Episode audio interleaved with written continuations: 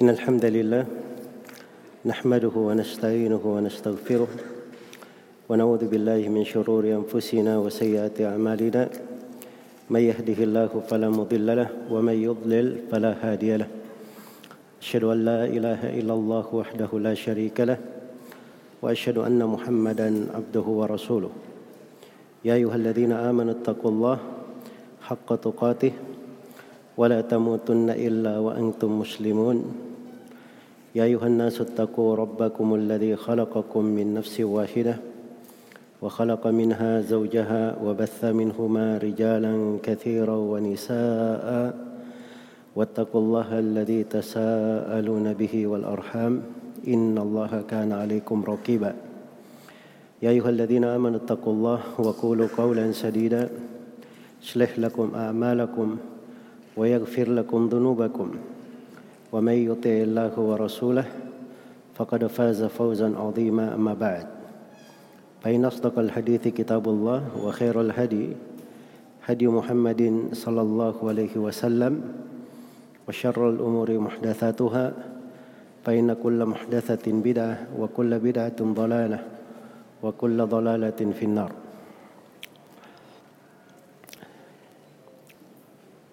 Ini sesi yang kelima dari pembahasan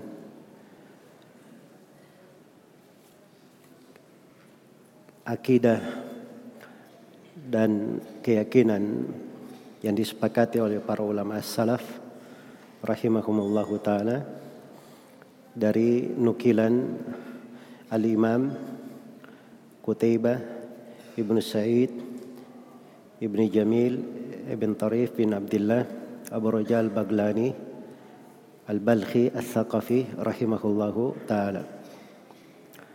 Dari rangkaian silsilah Kemilau Akidah As-Salaf rahimahumullahu taala.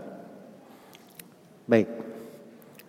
Telah kita selesaikan beberapa pembahasan penting dari usul i'tiqad ahli sunnah wal jamaah di pembahasan pembahasan-pembahasan agama. Berikutnya di sini kita akan memasuki salah satu pembahasan penting yang merupakan perkara-perkara yang besar di masa para ulama salaf terdahulu rahmatullahi alaihim jami'an. Kata penulis di halaman 22 dari buku panduan kata beliau wal Qur'anu kalamullah. Dan Quran adalah kalamullah. Adalah kalam Allah Subhanahu wa taala. Ini dari pembahasan di masa dahulu menjadi besar sekali karena bidah ini termasuk bidah-bidah yang mengeluarkan pelakunya dari keislaman. Dan pembahasan ini juga yang merupakan sebab banyak dari ulama di masa terdahulu itu diuji dan kena berbagai macam cobaan termasuk Imam Ahmad bin Hambal rahimahullahu taala. Yang beliau ini di tiga generasi pemerintahan diuji oleh ahlul bidah yang berhasil dekat kepada penguasa, kepada khalifah.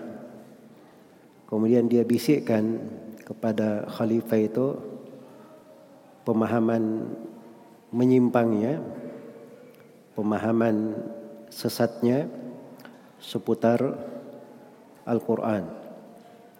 Maka khalifah pun mendukung ucapan ahlul bidah tersebut dan menetapkan kebenaran seperti yang dikatakan oleh para ahlul bidah itu seperti Ahmad bin Abi Duat, Bishir al-Marisi dan semisal dengannya. Mereka mengatakan bahwa Al-Quran adalah makhluk.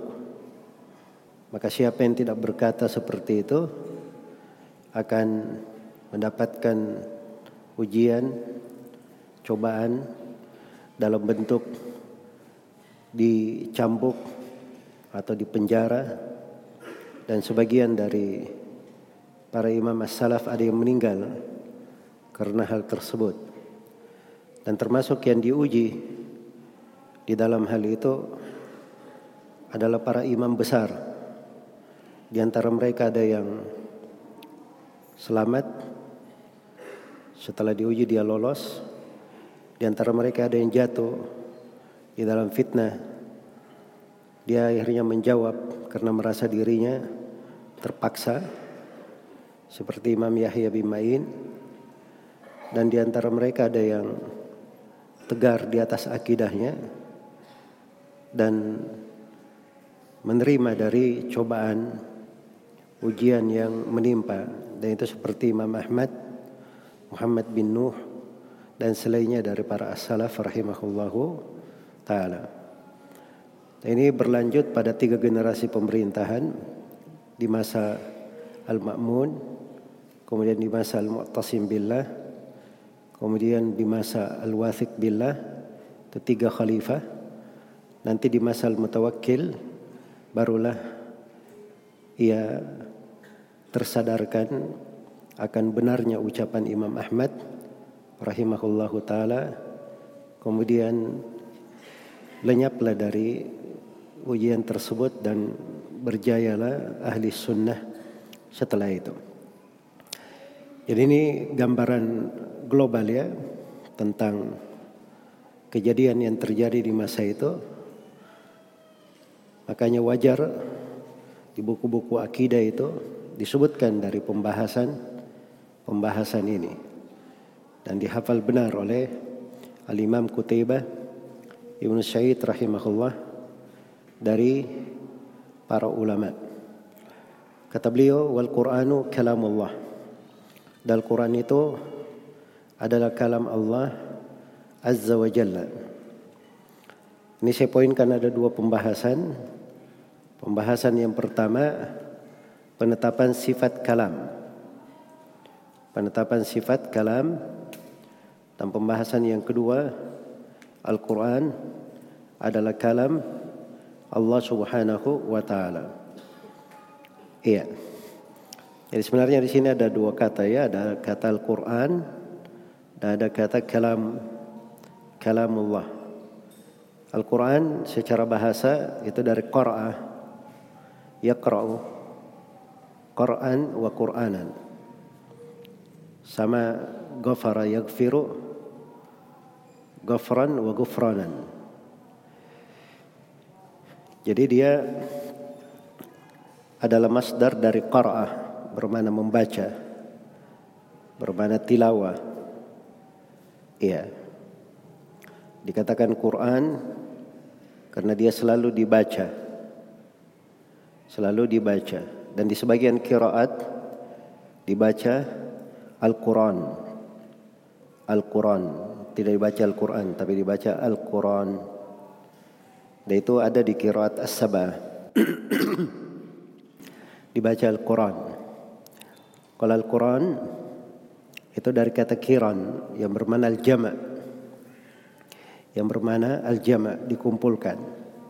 Karena Al-Quran ini mengumpulkan surah-surah dan ayat-ayat dan Al-Quran ini bisa terkumpul di mushaf, terkumpul di dada-dada para penghafalnya dan berkumpul di dalamnya berbagai keindahan, hukum-hukum dan selainnya.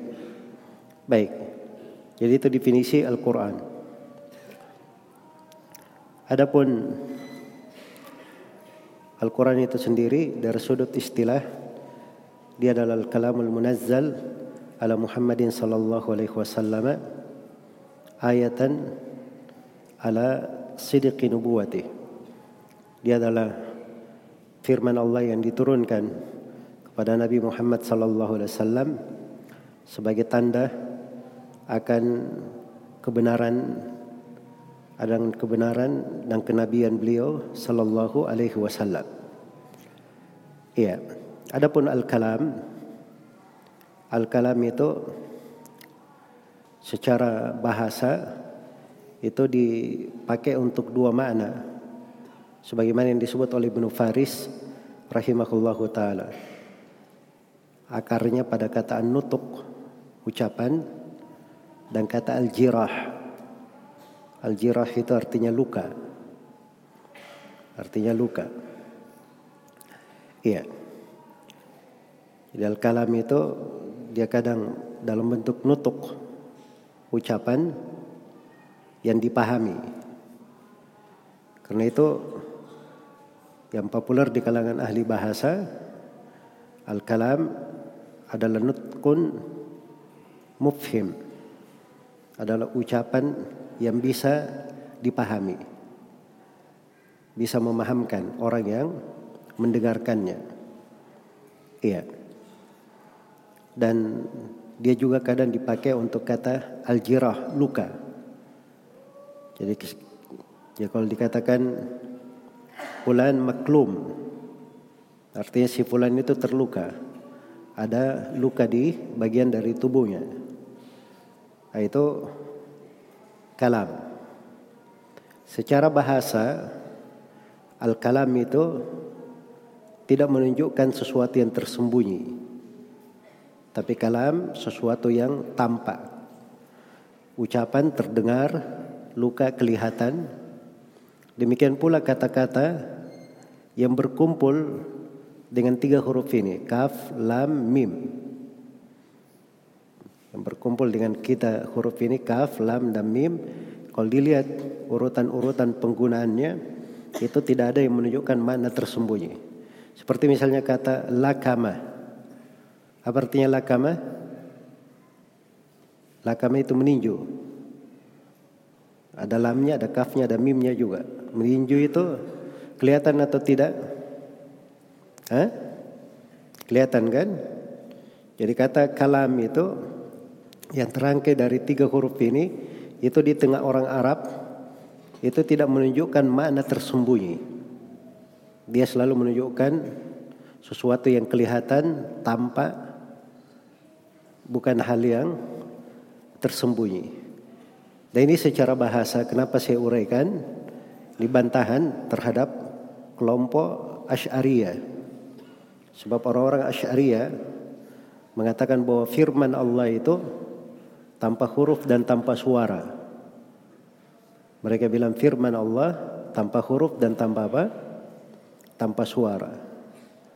Dan itu kebatilan. Secara bahasa saja tidak mungkin. Sebab kata kalam dan apa yang terangkai dari laf, lam, kaf, dan mim itu tidak ada yang menunjukkan makna tersembunyi.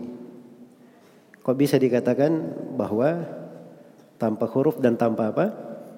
Tanpa suara. Karena itu orang-orang syariah yang mereka tetapkan adalah kalamun nafsi. Ada pembicaraan di dalam diri. Iya. Makanya mereka membahasakan dari bidah-bidah mereka itu hal yang aneh. Jadi Allah itu tidak berbicara kepada Jibril tapi Allah berbicara pada dirinya. Apa yang ada pada dirinya itu itu dibahasakan kepada Jibril. Ke diri Jibril. Jibril bahasakan kepada diri Nabi Muhammad. Jadi tidak dengan huruf, tidak dengan suara. Dan itu dari kesesatan orang-orang Asy'ariyah yang sangat besar. Sehingga dibantah oleh para ulama dari masa ke masa. Di antara yang membantahnya dalam satu karya tulis sendiri adalah Syekhul Islam Ibn Taimiyah rahimahullah. Beliau membantah ucapan orang-orang Asy'ariyah tentang kalamun nafsi itu dari 99 sudut bantahan yang menunjukkan kebatilan ucapan mereka. Jadi maksudnya di sini kalam secara bahasa itu adalah nutkun mufhim atau mufham adalah pembicaraan yang bisa memahamkan atau bisa dipahami. Itu yang dimaksud dengan kalam. Baik. Sifat al-kalam itu ditetapkan bagi Allah Subhanahu wa taala. Ya, kalau masuk di dalam penetapan sifat kalam itu dari pokok perkara yang ditetapkan oleh ahli sunnah. Mereka di dalam hal itu memiliki pendalilan-pendalilan yang sangat banyak sekali. Di antaranya adalah firman Allah Subhanahu wa taala wa kallamallahu Musa taklima. Dan Allah berbicara kepada Nabi Musa dengan sebenar-benar pembicaraan. Itu kallama. Allah berbicara kepada Nabi Musa dengan sebenar-benar pembicaraan. Demikian pula firman Allah Subhanahu wa taala walamma jaa Musa limiqatina wa kallamahu rabbuh. Begitu Nabi Musa datang ke mikot kami dan Robnya berbicara kepadanya. Iya. Demikian pula firman Allah ketika Nabi Musa telah diangkat sebagai seorang nabi wa ana ikhtartuka fastami' lima yuha dan aku yang memilih engkau Nabi Musa sebagai seorang nabi maka dengarkanlah apa, apa yang akan diwahyukan. Suruh mendengarkan firman Allah Subhanahu wa taala. Dan di antara dalil juga adalah firman Allah Subhanahu wa taala wa in ahadun minal musyrikin istajaraka fa'ajirhu hatta yasma' kalam Allah. Thumma ablighu ma'mana. Apabila ada seorang dari kaum musyrikin minta jaminan keamanan. Maka beri jaminan keamanan. Ini dihukum tata negara. Jadi ada negeri Islam, terus ada orang kafir dari luar negeri Islam ini mau masuk ke negeri Islam, minta izin masuk untuk mendengarkan Al-Quran, minta jaminan keamanan. Maka Allah perintah beri padanya jaminan keamanan sampai dia masuk mendengar firman Allah. Jadi disebut Al-Quran sebagai apa? Kalamullah. Ya, dan ini ayat pembahasannya mendalam ya di tengah para as-salaf. Karena orang yang dikatakan kamu dengarlah firman Allah. Dari mana dia dengar firman Allah? Hmm? Dari Allah langsung? Jawabannya tidak. Dari Jibril langsung? Juga bukan. Dari Nabi Muhammad wasallam? Kalau di masa hidup Nabi mungkin. Tapi mungkin juga selain Nabi karena dia cuma minta izin masuk ke negeri Islam. Kalau setelah Nabi meninggal, ini hukum masih berlaku. Berarti dia mendengarkan Al-Quran dari orang yang membacanya. Dari orang yang membacanya. Karena itu kata para ulama, firman Allah itu, Al-Quran itu adalah firman Allah. Bagaimanapun dia dibaca, bagaimanapun dia dihafal, bagaimanapun dia tertulis, bagaimanapun dia tertulis, maka itu adalah firman Allah. Yang tertulis itu adalah firman Allah, yang terbaca itu adalah firman Allah, yang terlafatkan itu adalah firman Allah. Yang terhafal itu adalah firman Allah, yang terdengar itu adalah firman Allah. Jadi semuanya disebut kalam Allah. Sebut kalam Allah. Adapun makhluk, perbuatan makhluk adalah makhluk. Sebagaimana yang sudah berlalu ayatnya. Wallahu khalaqakum wa ma ta'malun. Allah yang menciptakan kalian dan amalan kalian. Termasuk amalannya makhluk itu adalah makhluk. Si makhluk menulis, perbuatannya menulis, itu adalah makhluk. Si makhluk menghafal, perbuatan dia menghafal, itu adalah makhluk. Si makhluk membaca, perbuatannya membaca, itu adalah makhluk. Si makhluk melafatkan, perbuatannya melafatkan, itu adalah makhluk.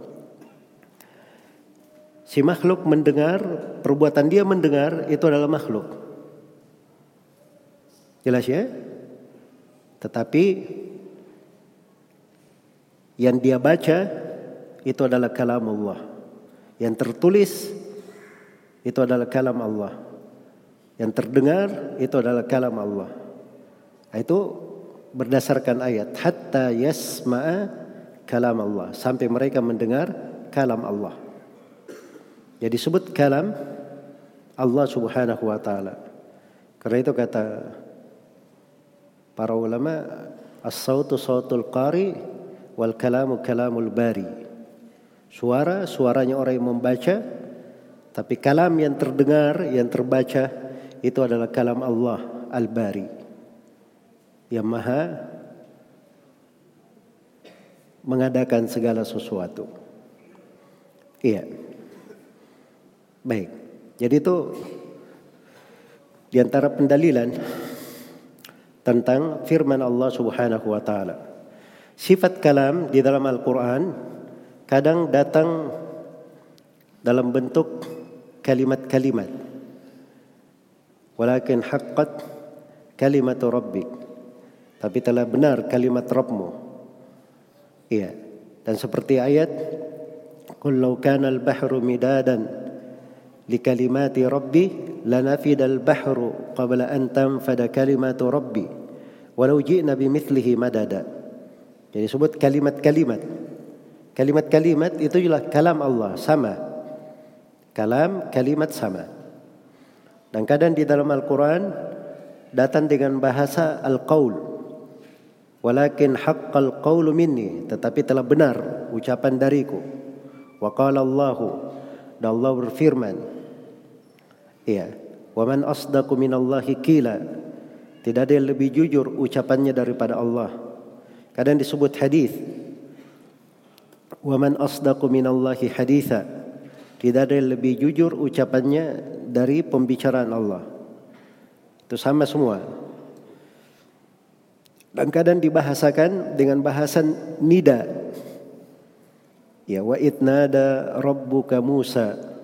Dan ketika Rabbmu memanggil Nabi Musa, kata nida itu itu digunakan di beberapa tempat dalam Al-Qur'an. Dan nida di dalam kesepakatan seluruh ahli bahasa, nida itu adalah panggilan dengan suara keras. Makanya adan itu dikatakan apa? Salah satu nama adan nida. Salah satu penamaan adan disebut nida. Ya karena orang adan itu tidak ada yang sembunyi-sembunyi. Tidak ada yang di dalam hatinya orang adan. Tapi adan itu dengan suara keras mengumumkan bahwa sholat sudah apa? Sudah masuk. Dan itu banyak tempat dalam Al-Quran Allah membahasakan panggilannya dengan kata nida. Dan itu menurut kesepakatan ahli bahasa, ahli bahasa Arab, nida itu panggilan dengan suara keras. Dan ini bantahan terhadap orang-orang Asy'ariyah yang mengatakan bahwa firman Allah itu tanpa suara katanya. Itu dari kebatilan. Jelas ya? Baik. Kemudian di antara pendalilan dari hadits Nabi Shallallahu Alaihi Wasallam, ya, adalah sabda Rasulullah Shallallahu Alaihi Wasallam dalam hadits riwayat Bukhari dan Muslim, ketika beliau berkata kepada manusia waktu itu ala rajulun yahmuli yahmiluni ila qaumihi fa inna quraisyan qad mana'uni an uballigha kalam rabbi. Adakah seorang yang membawa saya ke kaumnya? Karena orang-orang Quraisy telah melarang saya untuk menyampaikan kalam Rabbku.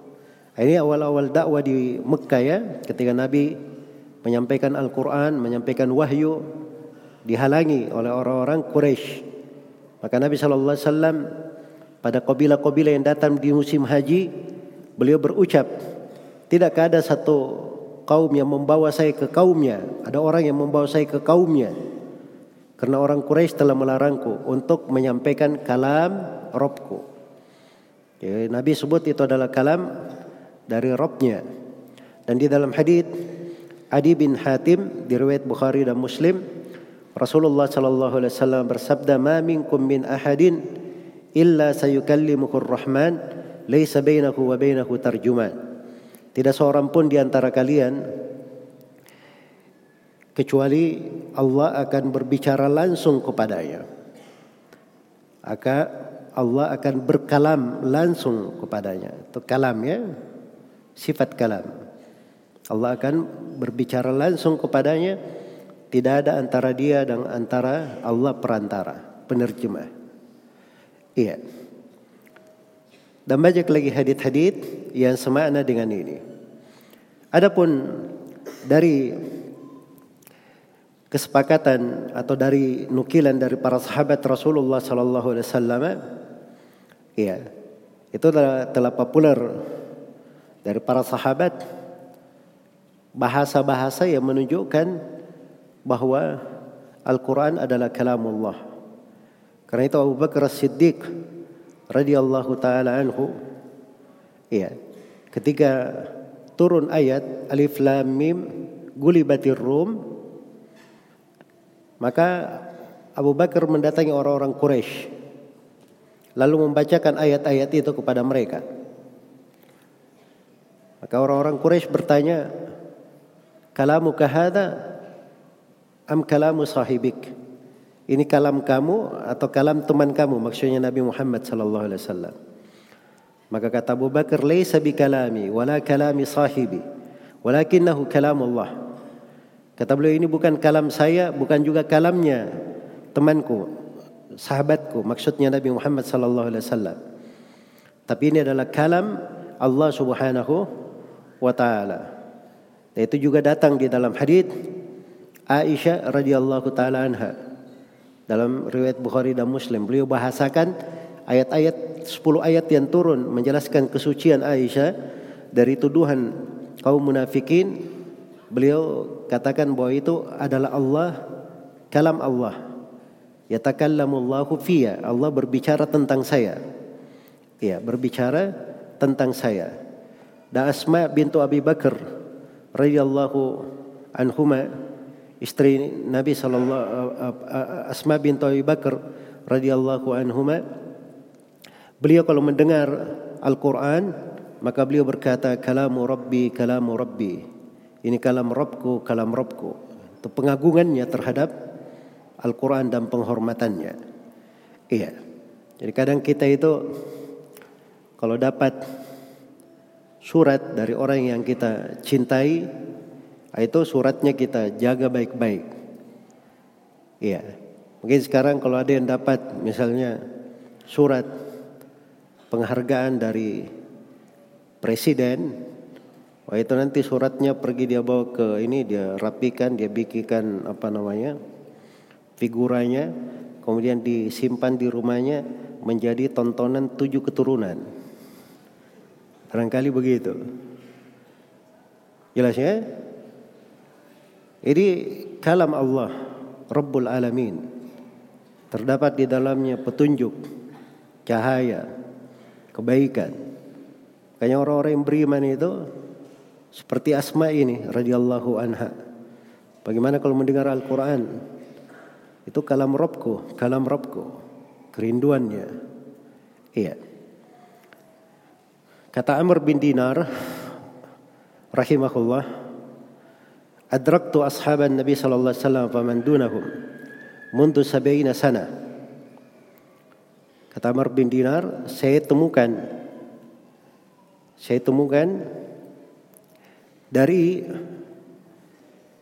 sahabat Nabi sallallahu alaihi wasallam dan selainnya dan sahabat Nabi ke bawah maksudnya tabiin karena Amr bin Dinar ini beliau mendapati masa sahabat dan beliau juga mendapati kebanyakan kebanyakannya dia dapati tabiin semenjak 70 tahun kata Amr bin Dinar iya semua dari ulama itu berkata Allahul Khaliq. Allah yang Maha mencipta. Wa ma siwahu makhluk. Selain daripada Allah itu adalah makhluk. Wal Qur'anu kalamullah. Sedang Al-Quran itu adalah kalam Allah. Minhu kharaja wa ilaihi ya'ud. Dari Allah Al-Quran itu keluar dan Al-Quran akan kembali kepadanya. Nah, ini bantahannya terhadap ahlul bidah dengan berbagai lapisannya yang mengingkari hal itu. Karena Allah mengatakan Al-Quran itu bermula dari dirinya. Walakin haqqal qawlu minni. Tapi telah benar ucapan yang berasal dariku. Wa ilaihi ya'ud. Dan Al-Quran akan kembali kepada Allah. Maksudnya makna Al-Quran itu kandungannya semuanya kembali kepada Allah. Dialah yang berbicara dengannya. Dan di antara ulama yang menafsirkan kembali kepadanya itu kejadian di hari kiamat. Di akhir masa akan datang di akhir masa suatu malam Al-Quran itu diangkat sehingga orang buka lembaran-lembaran mushaf dia tidak temukan lagi Al-Quran tertulis di situ telah diangkat Al-Qurannya kembali kepada Allah Subhanahu wa taala.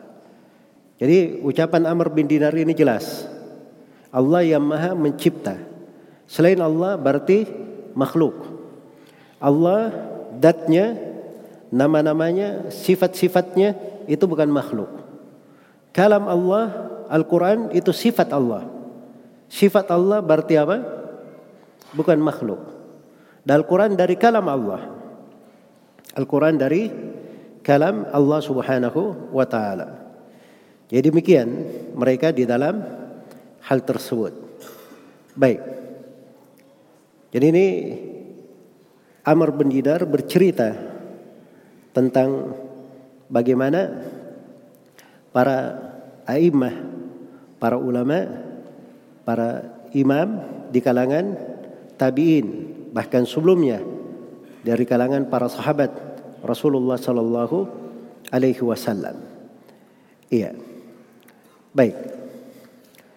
Kemudian di sini yang uh, juga penting untuk diketahui ya setelah Amr bin Dinar sebutkan ucapannya itu tadi itu ucapan ditalik oleh Ishaq ibn Rahawai rahimahullah. Sebagaimana yang disebutkan oleh Imam Al-Baihaqi setelah menyebutkan setelah membawakan ucapan Amr bin Dinar. Kata Ishaq ibn Rahawai iya. Kata beliau, Faqad adraka Amr bin Dinar ajillata ashabi Rasulullah sallallahu alaihi wasallam minal badriyin wal muhajirin wal ansar.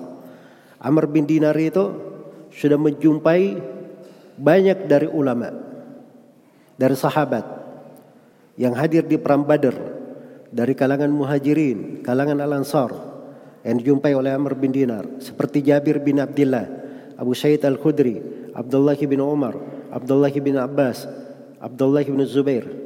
Ini ulama-ulama sahabat semua ya. Tapi memang ulama muda karena Amr bin Dinar ini hanya berjumpa dengan ulama uh, berjumpa dengan sahabat-sahabat yang masih muda ketika mereka bersahabat dengan Nabi sallallahu alaihi wasallam. Adapun tabi'in beliau berjumpa dengan banyak ulama tabi'in. Iya.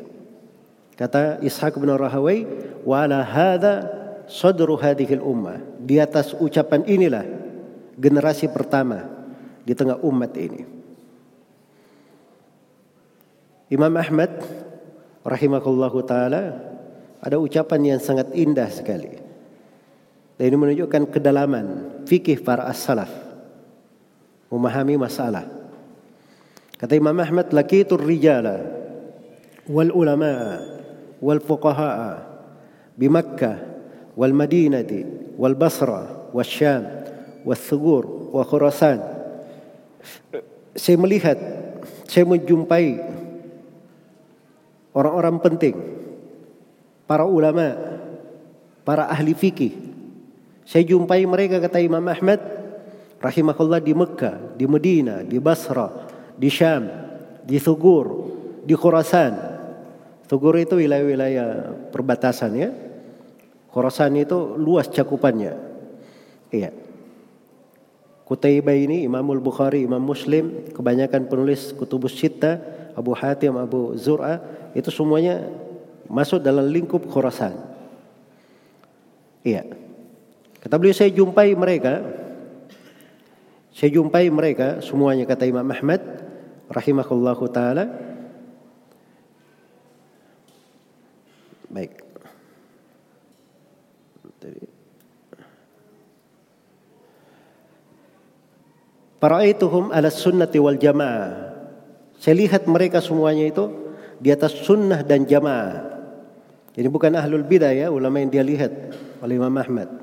Di atas sunnah dan jamaah. Wa sa'altu anhal fuqaha. Dan saya juga tanya kepada para ulama ahli fikih. Fakullun yakul, semua dari mereka berkata, Al-Qur'anu kalamullah, gairu makhluk. Semuanya berkata Al-Quran adalah kalam Allah bukan makhluk. Min bada wa ilaihi ya'ud. Darinya bermula dan kepadanya lah kembali. Kepada Allah kembali. Coba untuk lihat ya, ini juga pelajaran berharga ini, asar ini dari Imam Ahmad. Dimaklumi bahwa ketika mengucapkan Al-Quran, kalamullah, itu keyakinan dari masa para sahabat. Semua orang memaklumi. Semua orang memaklumi. Tapi begitu muncul ada orang yang mengatakan Al-Quran itu makhluk, barulah dibantah oleh para ulama. Barulah mereka tegaskan Al-Quran kalamullah gairu makhluk. Itu bantahan. Itu penyebutan gairu makhluk. Itu bantahan terhadap ahlul bidah yang mengatakan bahwa Al-Quran adalah apa? Adalah makhluk. Iya. Dan begitu terjadi kejadian ini, Imam Ahmad itu sangat di atas keyakinan akan akidah itu. Tapi bersamaan dengan itu, beliau tanya kepada seluruh ulama di berbagai negara. Dan semuanya menjawab sama dengan ucapan beliau. Nah, itu ahli sunnah itu. Seperti itu. Orang-orang yang berilmu. Jadi kadang pada hal-hal yang dia yakin, ya dia tahu ulama yang lain sama ucapannya. Maka dia tanyakan untuk dia berikan manfaat kepada umat bahwa ini bukan ucapan dia saja. Ini ucapan seluruh ulama. Ucapan seluruh ulama. Iya. Baik. Jadi ini penegasannya tentang sifat al-kalam. Dan pembahasan kita yang kedua, Al-Quran adalah kalam Allah. Firman Allah itu itu dari sifat Allah. Dari sifat Allah. Dia masuk ke dalam sifat fi'liyah datiyah. Allah berbicara sesuai dengan kehendak dan keinginannya. Dan sifat Allah ini selalu terus-menerus bersamanya. Dia selalu disifatkan berbicara. Tapi dia berbicara sesuai dengan kehendaknya. Kadang dibahasakan oleh para ulama dengan istilah qadimun nau ahidur qadimun nau hadithul ahad. Sifat kalam itu pada datnya itu melekat pada Allah. Sudah dari dahulu Allah itu berbicara. Dan terus berbicara, disifatkan dengan berbicara. Tidak pernah suatu hari dikatakan misalnya Allah tidak berbicara atau naudzubillah kalau dikatakan misalnya Allah bisu. Jelas ya? Itu tidak pernah disifatkan seperti itu. Dan pembicaraan Allah itu sesuai dengan keinginan dan kehendaknya. Makanya Allah berbicara dengan Taurat kepada Nabi Musa. Allah berbicara dengan Zabur kepada Nabi Daud. Allah berbicara dengan Injil kepada Nabi Isa. Dan Allah berbicara dengan Al-Quran kepada Nabi kita Nabi Muhammad sallallahu alaihi wasallam. Iya. Jadi itu yang dimaksud dengan sifat kalam. Dan Al-Quran adalah kalamullah karena Al-Quran itu adalah bagian dari firman Allah Subhanahu wa taala.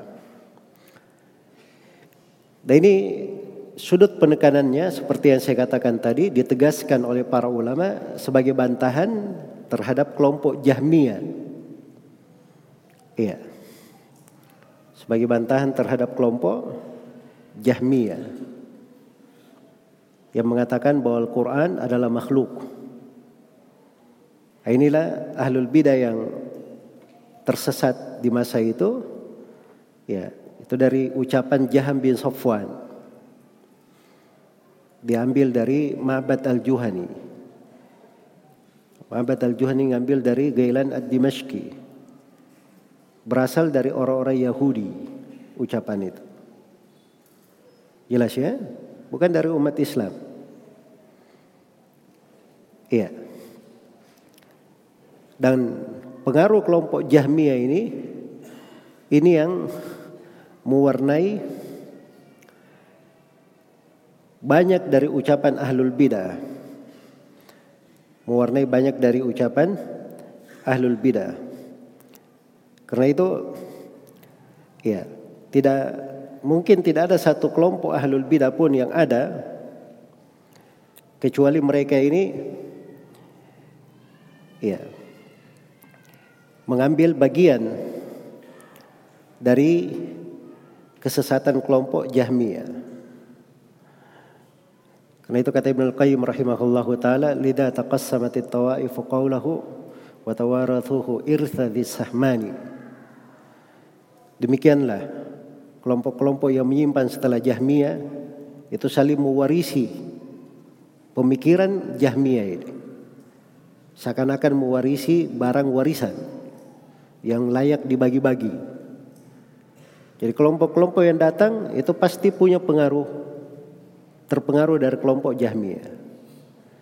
Dan kita akan terangkan nanti insya Allah di pembahasan akidah Abu Hatim dan Abu Zur Ar-Razi tentang kelompok Jahmiyah pada tempatnya. Atau mungkin di buku ini kita akan jelaskan nanti di ucapan penulis rahimahullah tentang hukum sholat di belakang kelompok Jahmiyah ini. Itu ada pembahasannya ya.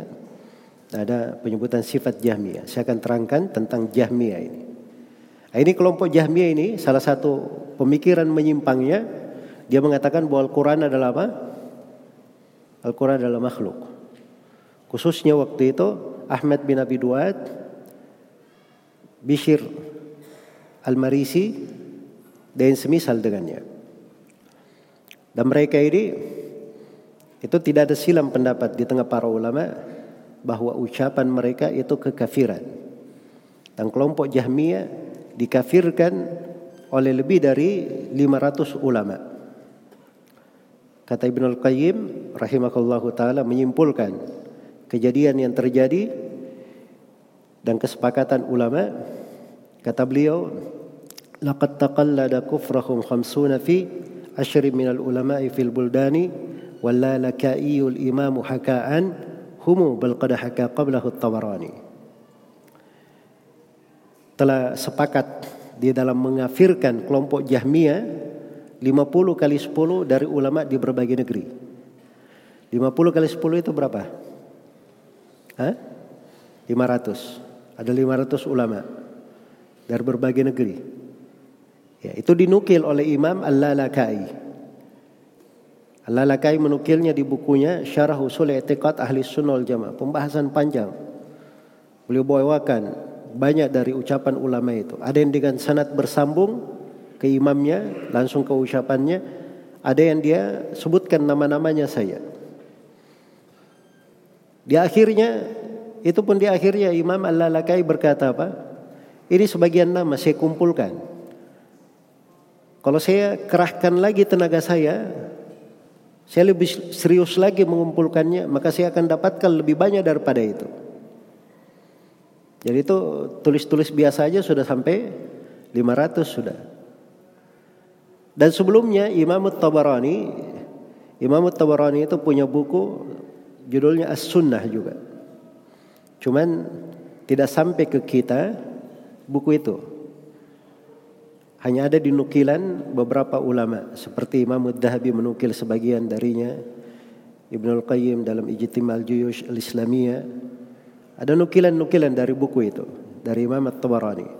At-Tabarani juga menyebutkan sekitar 500 ulama itu tadi yang mengafirkan kelompok Jahmiyah. Dan Imam Ad-Dahabi berkata yang mengafirkannya sekitar seribu orang. Itu dari penelitian Imam Ad-Dahabi dari jumlah-jumlah ulama yang mengatakan kelompok Jahmiyah ini kafir keluar dari Islam. Jelas ya? Kenapa? Coba antum bayangkan saya, kalau dikatakan Al-Quran itu makhluk, konsekuensinya itu Itu fatal sekali. Iya. Kul huwallahu ahad. Katakanlah dialah Allah al-ahad, oh itu makhluk. Asmaul husna, makhluk semuanya. Jelas ya? Sebagian salaf berkata, dia bacakan ayat. Ya. Innani ana la ilaha illa ana fa'budni wa aqimis salata li dzikri. Firman Allah kepada Nabi Musa, sesungguhnya aku ini adalah Allah yang tidak ada yang berhak diibadahi kecuali aku. Maka ibadahi saya, ibadahilah aku dan tegakkan solat untuk mengingatku. Jadi kalau ada yang berkata ini ayat makhluk, berarti itu kekafiran yang nyata kekafiran yang nyata. Terus kalau ada yang membaca Al-Quran, ya terlafatkan, maka ini si A membaca Al-Quran keluar darinya makhluk. Sana membaca lagi keluar darinya makhluk. Sana keluar lagi darinya makhluk. Itu apa jadinya? Konsekuensinya itu semuanya membawa kepada kekafiran. Jelas ya? Apalagi mana-mana dari dalil-dalil syar'i yang diselisih itu sangat banyak. Karena itu bagi orang yang paham Al-Qur'an dia sangat mengerti bahwa Al-Qur'an itu kalamullah bukan makhluk. Makanya Imam Ahmad itu rahimahullahu taala ketika di debat di depan khalifah Imam Ahmad hanya berkata, "Beri saya satu dalil saya." Satu dalil saya. Saya cuma ingin satu dalil saya yang menunjukkan bahwa Al-Quran makhluk. Maka kelompok Jahmiyah ini tidak bisa memberi dalil apa pun. Setiap kali dia baca ayat yang menurut mereka dalil tanda kutip oleh Imam Ahmad dibantah. Itu bukan pendalilan. Iya. Dan Imam Ahmad menghujat mereka dengan hujah yang kuat. Di antaranya Allah berfirman, kata Imam Ahmad di antaranya Allah berfirman, "Ala lahul khalqu wal amru." Ketahuilah bahwa milik Allah penciptaan dan makhluk dan perintah. Milik Allah al-khalq, makhluk, penciptaan, wal amru dan perintah. Pakai waw. Ini menunjukkan makhluk itu bukan perintah. Al-Quran itu dari perintah Allah. Ata amrullah telah datang perintah Allah. Datangnya dari situ, berarti dia bukan makhluk. Karena waw bahasa Arab itu paham, waw itu artinya mughayar. Kalau dikatakan datang si Muhammad dan Zaid. Kalau ada yang berkata datang si Muhammad dan Zaid, saya mau tanya, Muhammad dan Zaid sama atau beda? Asalnya beda, dan itu menunjukkan beda antara yang pertama dan kedua. Makanya ketika di ayat dikatakan ketahuilah bahwa milik Allah penciptaan dan milik Allah perintah, berarti makhluk lain perintah lain. Al-Quran itu dari perintah Allah. Sama Imam Ahmad juga mendebat mereka dengan firman Allah Subhanahu wa taala, Ar-Rahman 'allama al-Quran. Khalaqal insan. Al-Quran disebutkan dari ilmu Allah, dari pengajaran Allah. Sedangkan manusia disebut dari makhluknya. Dibedakan antara makhluk dan ilmu Allah subhanahu wa taala. Dikata sama akan disamakan penyebutannya. Iya. Itu hujah-hujah Imam Ahmad itu kuat sekali rahimahullahu taala. Sampai akhirnya di masa tiga tiga khalifah ya. Tiga khalifah tapi tidak dapat hidayah. Khalifah yang terakhir itu Imam Ahmad berdoa jangan sampai bertemu dengan khalifah tersebut. Iya. Dan doa beliau dikabulkan. Beliau tiba di penjara sang khalifah dalam keadaan khalifahnya sudah meninggal sebelumnya. Ganti al-mutawakil didatangkanlah Imam Ahmad dalam keadaan dirantai. Didebatlah oleh Ibnu Abi Duat. Maka Imam Ahmad memberi pertanyaan sederhana. Ini sekarang yang kalian mengajak kepadanya, bidah kalian ini. Al-Quran itu makhluk. Itu diketahui oleh Nabi atau tidak? Dia tidak akan berani berkata Nabi tidak mengetahuinya. Nah, maka dia katakan diketahui oleh Nabi. Kan begitu? Imam Ahmad tanya lagi, baik diketahui oleh Nabi sallallahu alaihi wasallam. Nabi itu mengajarkan hal itu atau tidak? Kok bisa kalian Tentunya mereka akan bilang tidak ajarkan oleh Nabi sallallahu alaihi wasallam. Sekarang Nabi tidak mengajarkannya. Terus tiba-tiba kalian mengajarkannya. Ingin lebih hebat daripada Nabi sallallahu alaihi wasallam? Jadi dengan itu masuk di akalnya khalifah.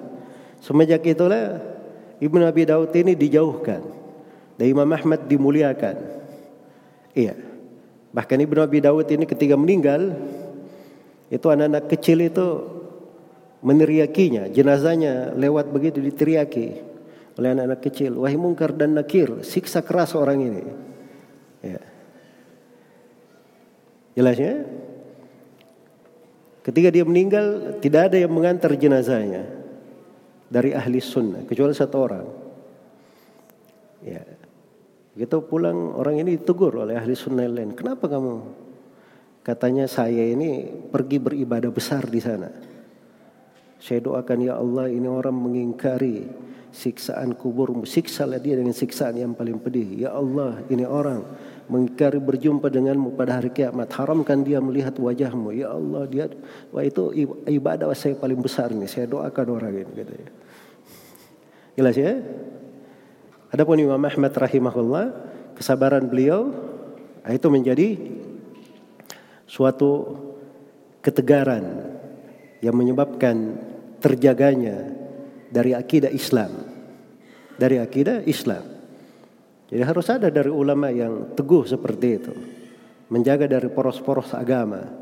Sendi-sendi agama. Dan itu akan terus ada sampai hari kiamat. Akan terus ada sampai hari kiamat. Baik ini sekilas ya terkait dengan Al-Quran kalamullah. Dan saya tidak terlalu banyak menguraikan ya di pembahasan ini karena kita akan uh, membahasnya. Masih ada beberapa buku di sini ya di kajian-kajian yang lain. Insyaallah taala. Baik. Di halaman 23 sekarang. Sikap terhadap pelaku amalan. Kata beliau rahimahullah wala nunzilu ahadan min ahli al-kiblati jannatan wala nara wala naqta'u syahadata ala ahadin min ahli tauhid wa in amila bil kabair ولا نكفر أحدا بذنب إلا ترك الصلاة وإن أمل بالكبائر Ini saya poinkan ada empat pembahasan. Pembahasan yang pertama tidak memastikan sorga dan neraka untuk siapapun. Iya, kata beliau, wala nunzilu ahadan min ahli al-kiblati jannatan wala nara. Kami tidak memastikan penduduk sorga atau neraka untuk siapapun di antara ahlul kiblat. Iya. ini masih terkait dengan ahlul kiblat yang sudah kita singgung ya hak-haknya. Ahlul kiblat sudah kita definisikan, mereka punya hak-hak sudah kita singgung. Di antara hak dari ahlul kiblat sepanjang dia muslim maka kita lakukan seperti perlakuan kaum muslimin. Tidak boleh dikeluarkan dari keislaman kecuali dengan sesuatu yang jelas, sesuatu yang terang. Iya. Dan kalau dia seorang muslim, maka saat dia berbuat baik, berbuat kesalehan, kita harapkan untuknya sorga. Saat dia berbuat kejelekan, berbuat dosa, kita khawatir terhadapnya siksaan. Kita khawatir terhadapnya neraka. Tapi tidak boleh dipastikan Oh si muslim ini orang salih. Ini dia pasti penduduk sorga. Oh ini si muslim ini ini adalah seorang yang banyak berbuat dosa. Ini pasti penduduk neraka. Itu tidak diperbolehkan. Kecuali bagi siapa yang dipastikan oleh Nabi Shallallahu Alaihi Wasallam. Ya kalau Nabi yang mengabarkannya itu nggak ada masalah. Ya seperti Rasulullah kabarkan 10 sahabat yang masuk sorga. Nabi kabarkan Khadijah dari penduduk sorga. Nabi kabarkan tentang Aisyah radhiyallahu anha penduduk sorga. Nabi kabarkan tentang uh, apa namanya Abdullah bin Salam dari sahabat penduduk sorga. Nabi kabarkan bahwa putrinya Fatimah adalah pemimpin perempuan penduduk sorga. Nabi kabarkan dua cucunya Al Hasan dan Al Husain dari dua pemimpin pemuda penduduk sorga. Nabi kabarkan tentang perempuan hitam atau seorang perempuan yang apa kena penyakit ayam yang dia ini memilih untuk bersabar. Maka Nabi berkata, kalau kamu ingin saya doakan kamu sembuh. Tapi kalau kamu ingin kamu sabar untuk kamu sorga. Maka perempuan ini berkata, ya Rasulullah saya sabar saya. Saya ingin sorga. Maka Nabi berkata, eh, perempuan ini berkata, ya Rasulullah tapi doakan saya. Kalau penyakit saya kambuh, aurat saya supaya tidak terbuka. Iya. Maka Nabi mendoakannya. Jadi banyak yang dikabarkan oleh Nabi sepanjang ada nas dari Nabi Shallallahu Alaihi Wasallam kabar tentang hal itu, maka itu dikatakan penduduk sorga, nggak ada masalah. Jelas ya? Baik. Yang hadir di Beatur Ridwan itu semuanya dikatakan sebagai penduduk sorga. Disebut dalam Al-Quran. Ridho untuk mereka. Nah, yang ada nasnya itu nggak ada masalah. Selain daripada itu, ya mayoritas ahli sunnah seperti yang disebut oleh penulis di sini, tidak boleh dipastikan. Untuk siapa pun dia penduduk sorga atau penduduk neraka. Tapi sebagian ulama mengatakan boleh kalau kebanyakan dari kaum muslimin mempersaksikan seperti itu. Misalnya ada orang yang meninggal dari orang yang baik, orang yang salih. Orang-orang semuanya memujinya. Maka itu tidak apa-apa dikatakan ini orang penduduk sorga. Ini pendapat yang kedua ya. Karena Nabi Shallallahu Alaihi Wasallam pernah berlalu kepadanya jenazah banyak yang memujinya maka beliau bilang wajibat telah wajib untuknya sorga iya dan ketika datang jenazah lagi lain banyak yang mencelanya maka Nabi berkata wajibat wajib atasnya neraka nah, itu pendapat sebagian ulama tapi pendapat ini bukan pendapat yang kuat ya pendapat yang kuat adalah yang disebut oleh mayoritas ulama di sini dari ahli sunnah bahwa tidak boleh dipastikan dengan sorga maupun apa sorga maupun neraka. Ya, adapun hadis tadi tentang wajibat itu, itu kan Nabi yang hadir di situ dan mengatakannya. Itu kehadiran Nabi. Adapun di luar daripada itu, tidak boleh kita memastikan siapa pun dari kaum muslimin dia ini masuk sorga atau masuk neraka. Tetapi yang berbuat baik kita harapkan dia masuk sorga. Yang berbuat buruk kita khawatirkan akan bahaya dosa-dosanya. Kemudian yang kedua, tidak memastikan kesyahidan bagi siapa pun. Kata beliau, "Wala naqtau syahadat ala ahadin min ahli tauhid." Iya. Min ahli tauhid. Walau amila bil kabair. Kata beliau dan kita tidak menetapkan mati syahid terhadap siapa pun dari ahli tauhid. Iya. Tidak menetapkan syahadat terhadap siapa yang meninggal dari ahli tauhid. Jadi kalau ada yang mati walaupun dia meninggal baik begitu, tidak boleh kita kalau ini si fulan syahid. Iya. Seperti yang banyak dilakukannya oleh orang-orang ekstrim. Orang-orang ekstrim. Karena tuh lihat dari Ikhwanul Muslimin itu dia bilang syahid Hasan Al-Banna. Syahid siapa? Uh, Sayyid Kutub. Ya, didoakan rahmat nggak ada masalah. Semoga Allah merahmatinya. Tapi ini memastikan syahada, kesyahidan. Nah, itu tidak benar ya.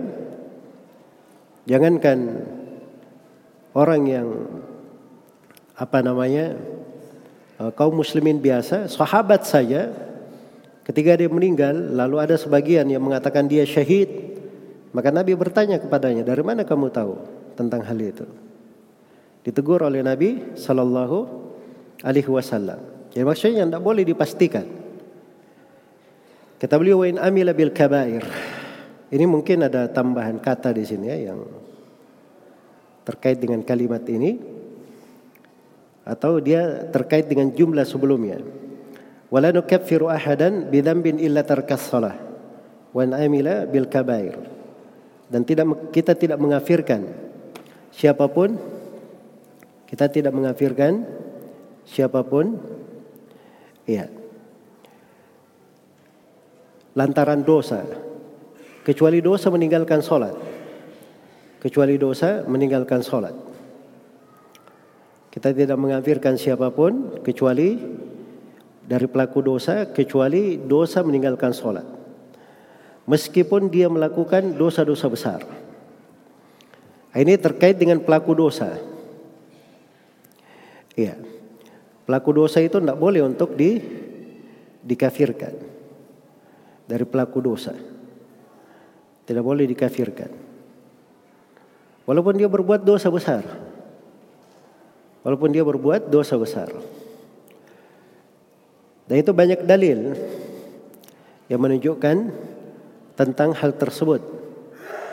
Di antara dalilnya adalah ayat Al-Quran. Wa in ta'ifatani minal mu'minina tatalu fa aslihu. Apabila ada dua kelompok mukmin yang saling berperang, saling membunuh, maka damaikanlah antara keduanya. Saya mau bertanya, membunuh itu dosa apa? Hah? Dosa besar. Tapi bersamaan dengan itu masih dikatakan dua kelompok dari kaum mukminin. Baik. Tentang orang yang membunuh saudaranya. Ahli warisnya kalau memaafkan. Disebut hukum di surah Al-Baqarah.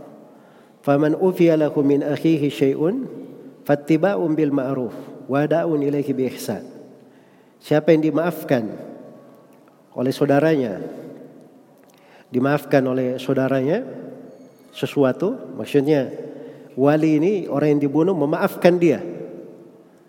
Dikatakan dari saudaranya masih disebut bersaudara. Andai kata dia kafir tidak disebut apa? Tidak disebut saudara di antara dalil juga hadits Abu Bakrah riwayat Bukhari dan Muslim idal taqal muslimani bisayfayhima fal qatil wal maqtul finnar Apabila dua orang muslim berjumpa membawa pedangnya, maka yang dibunuh dan terbunuh dua-duanya masuk di dalam neraka. Iya. Yang dibunuh dan terbunuh dua-duanya masuk ke dalam neraka. Baik. Jadi dikatakan dua-duanya masuk dalam neraka. Tapi bersama dengan itu masih dikatakan dua orang muslim masih disebut muslim. Berarti diancam dengan neraka tidak dikeluarkan dari keislaman. Tidak dikafirkan. Dan di antara dalil juga adalah hadits Jabir di riwayat Muslim tentang kisah sahabat yang bunuh diri. Jadi dia dalam peperangan begitu terluka, tidak tahan akan lukanya. Diambil pedang, dia tusuk dirinya sampai ke punggungnya, meninggal. Anda dia ambil pedang terus dia lukai tangannya. Ya, kedua tangannya sampai dia meninggal. Maka sebagian kerabatnya melihat dia dalam mimpi. Dalam pandangan yang indah. Tapi dia menyembunyikan kedua tangannya. Maka dia berkata, Allah mengampuni saya kecuali kedua tanganku ini. Iya. Setelah itu kerabatnya ini ceritakan mimpinya kepada Nabi Sallallahu Alaihi Wasallam dan Nabi tidak mengingkarinya. Andai kata dia keluar dari Islam, maka tidak dikatakan apa? Akan tidak akan dibiarkan oleh Nabi. Tidak mungkin dilihat bagus begitu dalam mimpi. Ya, itu sudah empat dalil ya. Saya genapkan yang kelima tentang orang yang menahan zakat. Menahan zakat itu dikatakan thumma yura sabiluhu imma ila jannati wa imma ila nar. Kemudian diperlihatkan jalannya, apakah dia ke surga atau ke neraka. Jadi masih ada pilihannya, bisa ke surga juga. Ya kalau dikafirkan tidak bisa dikafirkan. Jelas ya? Baik. Jadi itu sedikit dari pendalilan-pendalilan yang menunjukkan bahwa tidak boleh seorang muslim itu mengafirkan lantaran dosa. Kecuali kalau dosanya meninggalkan sholat. Nah, ini pembahasan yang keempat. Hukum meninggalkan sholat. Meninggalkan sholat ini hal yang sangat berbahaya. Iya. Karena itu penulis di sini menyebutkan tentang nukilan dari para aima. Orang yang meninggalkan sholat itu itu dikafirkan. Dan ini Imam Qutaibah ya, dia menukil, seakan-akan menukil kesepakatan. Rahimahullah. Iya. Dan itu juga dinukil dari Abdullah bin Syakik. Beliau berkata, "Lam yakun yarawna syai'an min al-amali tarkuhu kufrun illa salah." Mereka, maksudnya para sahabat dan tabi'in, tidak melihat ada amalan kalau ditinggalkan keluar dari Islam kecuali orang yang meninggalkan salat. Siapa yang meninggalkannya maka dia keluar dari keislaman, batal keislamannya. Iya. Karena Nabi sallallahu alaihi wasallam membahasakan seperti itu. Faman tarakaha faqad kafar. Siapa yang meninggalkan salat maka dia telah kafir. Itu hadits Buraidah di Sunan At-Tirmidzi. Kalau hadits Jabir di Sahih Muslim, Rasulullah bersabda lahad alladhi bainana wa bainahum dalam sebagian riwayat bainal islami wal kufur as-salat. Antara keislaman dan kekafiran, antara muslim dan kaum musyrikin itu adalah salat. Itu yang membedakan. Adalah salat. Dan di dalam Al-Qur'an dikatakan fa'in tabu wa aqamus salata wa atau zakat fakhallu sabilahum. Di ayat yang lain fa ikhwanukum fid din. Kalau mereka bertobat, menegakkan salat, mengeluarkan zakat, maka saudara kalian dalam agama. Di ayat yang lain biarkan jalan mereka. Pemahaman kebalikan dari ayat, kalau dia tidak sholat, berarti bukan saudara kalian dalam agama, jangan biarkan jalannya, perangi. Jelas ya?